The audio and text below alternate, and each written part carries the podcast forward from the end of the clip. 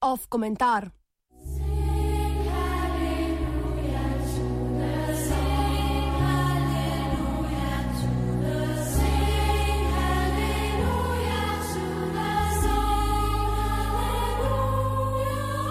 Podrimo zidove, zgradimo mostove.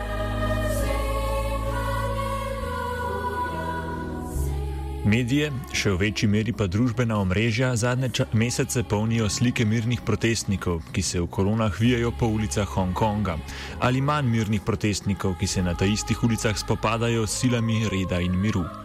Hongkong v zadnjem desetletju sicer vsakih let, nekaj let pretresajo množični protesti, vendar so letošnji, po trditvah so organizatorjev, največji v zgodovini te nekdanje britanske kolonije. 16. junija naj bi se zbralo kar 2 milijona protestnikov, kar je za 7 milijonsko mesto neverjetno veliko število.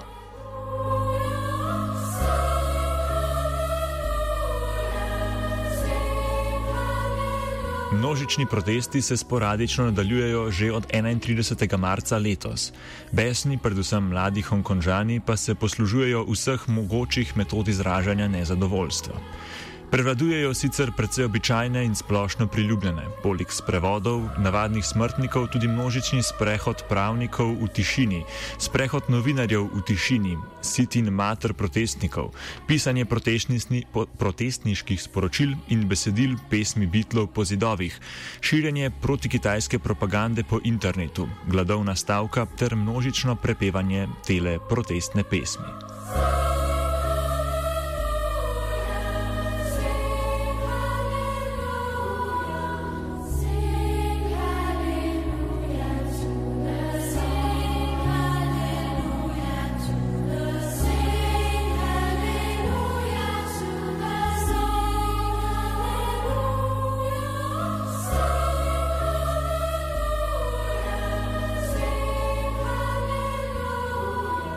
So pa tudi radikalnejši protestniki. Ti so, kot odgovor na policijsko nasilje, obkolili policijsko poveljstvo, pri čemer je bilo poškodovanih več angelov v modrem. Udrli v zakonodajni svet in med vandalizmom mahali z britansko zastavo, štirje pa so se v znak protesta z vrhov stolpnic pahnili v smrt.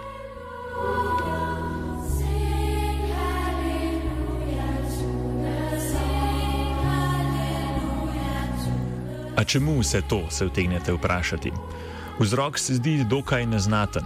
Hongkonška vlada je po umoru Hongkonžanke na Tajvanu želela sprejeti sporazum, da bi omogočala medsebojno izročanje osumljencev, poleg Tajvana pa bi vključeval še Makau in Ljudsko republiko Kitajsko.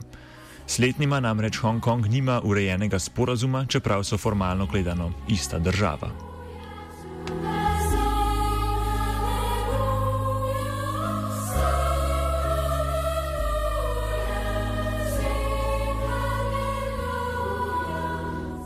A zakaj bi ta na vides povsem neproblematičen predlog tako razburil vrle državljane Hongkonga? Odgovor tiči v zgodovini tega otočka. Potem, ko je v začetku 19. stoletja Združeno kraljestvo kitajsko prebivalstvo navleklo na opi, da bi z masovnim uvozom te dobrine pokrilo stroške svojega apetita po kitajskem čaju, je kitajski monarh postal mnenja, da opi ni stvar, za katero bi si želel, da se jo množično uvaža v državo. Nestrinjanje o koristnosti opija je vodilo v dve opijski vojni z britanskim imperijem, med katerima je Britanija zasedla Hongkong kot svojo vojaško in trgovsko bazo. Zmago je v obeh vojnah slavil kolonialni imperij in kitajska monarhija je bila prisiljena otok in okoliško ozemlje za 99 let oddati Veliki Britaniji.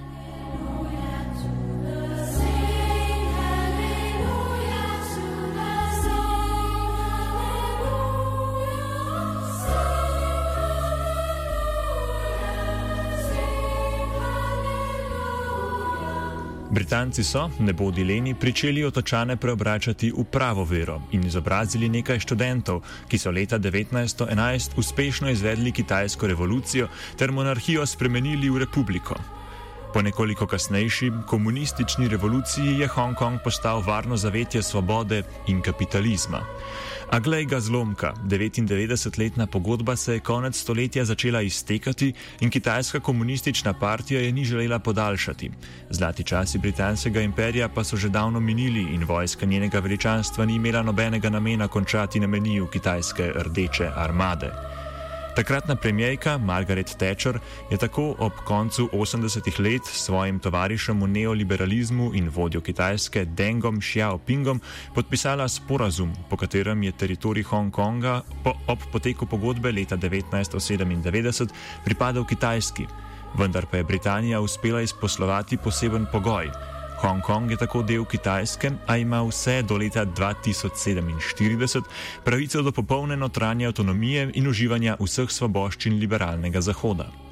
Po tako imenovani doktrini ene države dveh sistemov, ki jo poleg Hongkonga uživa bivša portugalska kolonija Makao, ima Hongkong pravico do političnega režima, ki ga zahodni politični komentatorji imenujejo demokratičen, vladavine prostega trga in ideološke nastrojenosti proti kitajskemu totalitarizmu.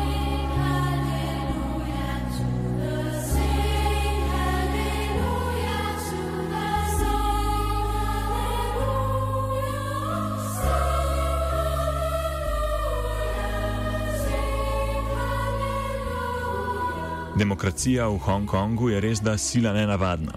Ljudstvo voli le 40 predstavnikov v zakonodajnem svetu, ostalih 30 pa izberejo zastopniki industrije in kapitala. Ironično, velika, te, velika večina teh 30 predstavnikov kapitala je močno naklonjena kitajski komunistični partiji.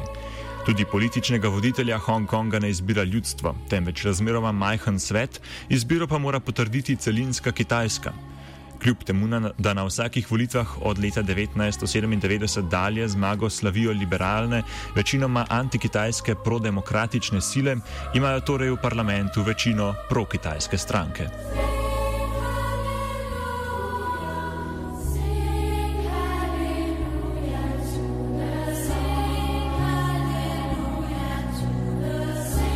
Svobodoljubni Hongkonžani nostalgično sanjarijo o časih svobode in demokracije, ki so jih preživeli pod britansko kolonialno oblastjo, in z grozo pričakujejo leto 2047, ko se bo 50-letno zagotovilo avtonomije izteklo in bodo na milost in nemilost pripojeni matični domovini. Vsako dejanje neizvoljene oblasti, ki bi potencialno lahko privedlo do manjšanja avtonomije, je sprejeto s paničnim gnevom nad komunizmom in z bojem za obrambo človekovih pravic, svobode govora in svobode vere.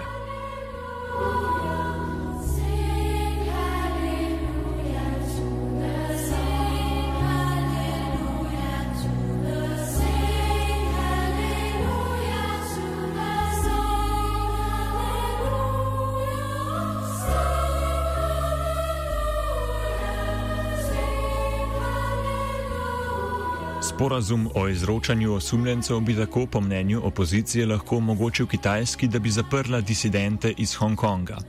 Čeprav se je voditeljica Hongkonga Carrie Lam opravičila in sporočila, da do sporazuma za zdaj ne bo prišlo, protestniki zahtevajo njen odstop, umik sporazuma ter izpustitev zaprtih protestnikov.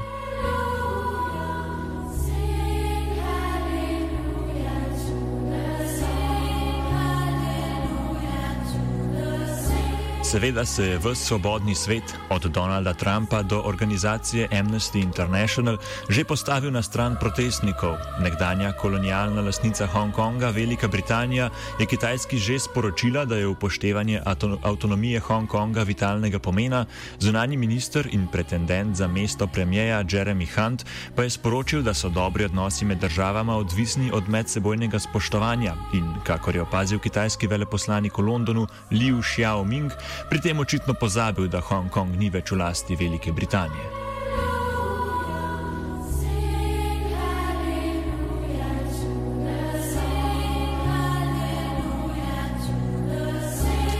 Betonski zid z bodečo žico, ki je Hongkong varoval pred Kitajsko, je vse bolj porozen. Meja se v zadnjih letih vse bolj briše in gradnja mostu, ki otok povezuje s celino, je liberalno javnost navdala s paničnim strahom, da kani totalitarna Kitajska že pred letom 2047 končati vladavino demokracije. Kitajska, tako za razliko od Evrope ali Amerike, dejansko briše meje, podira zidove in gradi mostove, torej izpolnjuje parole evropske in ameriške liberalne levice, pri čemer prav ta vse prepogosto pozablja, da je pripojitev Hongkonga matični domovini del antikolonialnega boja. Pa ne le Hongkonga, zlasti samostojnost bivše kolonije Fro Formosa, danes Tajvana, priča o zgodovini kolonializma in brutalnih zločinov zahodnih kapitalističnih sil ter njihovih lakajev nad kitajskim kmetijstvom in delavstvom. Le zakaj bi bila Ljudska republika Kitajska dolžna spoštovati zahteve bivše lasnice kolonije, namesto da bi z odprtimi rokami sprejela rojake nazaj v svoje naročje?